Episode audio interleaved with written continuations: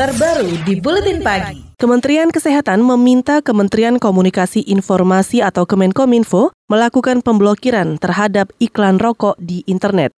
Sekretaris Jenderal Kementerian Kesehatan Oscar Primadi menyatakan, prevalensi perokok muda usia 10 hingga 18 tahun dari hasil riset kesehatan dasar 2018 meningkat.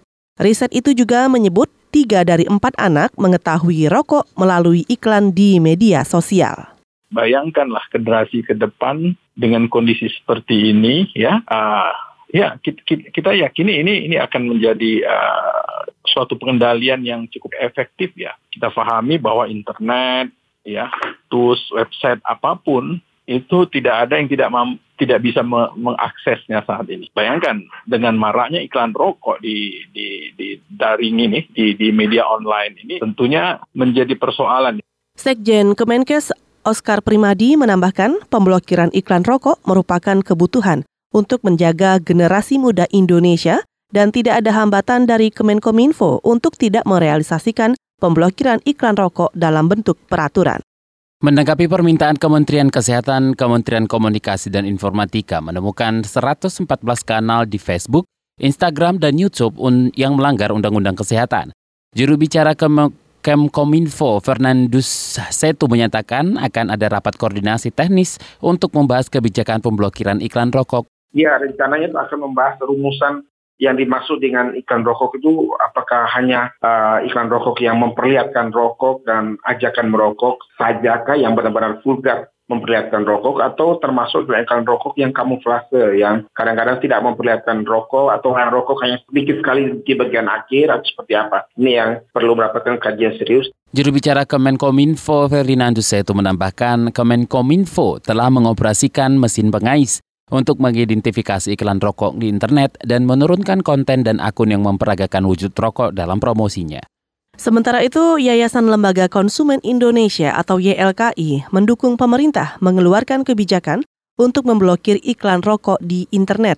Ketua Harian YLKI Tulus Abadi mengaku banyak masyarakat yang mengeluhkan iklan rokok di internet.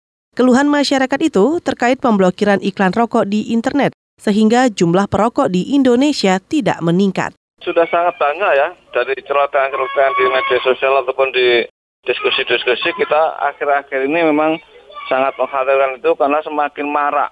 Ya, sebagai contoh kalau kita buka link berita digital, misalnya di media-media mainstream sekalipun, itu selalu ada pop-up kentara juga di yang lebih ekstrim di media-media sosial di mana dia memperagakan orang rokok, memperagakan apa, bungkus rokok dan segala macam. Ketua Harian YLK, YLKI Tulus Abadi juga mengklaim YLKI sudah lama mengusulkan pemblokiran iklan rokok itu ke Kementerian Kesehatan karena iklan rokok di internet sangat berbahaya bagi anak. Apalagi saat ini internet juga bisa diakses dengan mudah oleh anak-anak yang jika tidak dibendung berpotensi besar merambah jumlah perokok anak. Dukungan senada juga disampaikan Gabungan Produsen Rokok Putih Indonesia atau GAPRINDO Ketua Gaprindo Muhaimin Mufti menilai langkah Kementerian Komunikasi dan Informatika men-take down ratusan iklan rokok yang melanggar aturan di internet tepat. Itu yang diblokir itu adalah iklan-iklan yang memperagakan wujud rokok loh ya. Jadi bukan, iklan semuanya, jangan salah sangka. Jadi yang ada yang menunjukkan wujud rokok memang dari PP 109 kan memang iklan tidak boleh menampilkan wujud rokok, rokoknya atau kemasannya begitu. Ketua Gaprindo Muhammad Mufti menambahkan produsen rokok tak keberatan dengan kebijakan pemerintah mengenai iklan rokok di internet. Apalagi pengiklan rokok di internet yang menunjukkan wujud rokok atau kemasan rokok itu. Hanya saja Gaprindo juga yakin Kemenkominfo tidak akan melarang semua iklan rokok. KBR, inspiratif, terpercaya.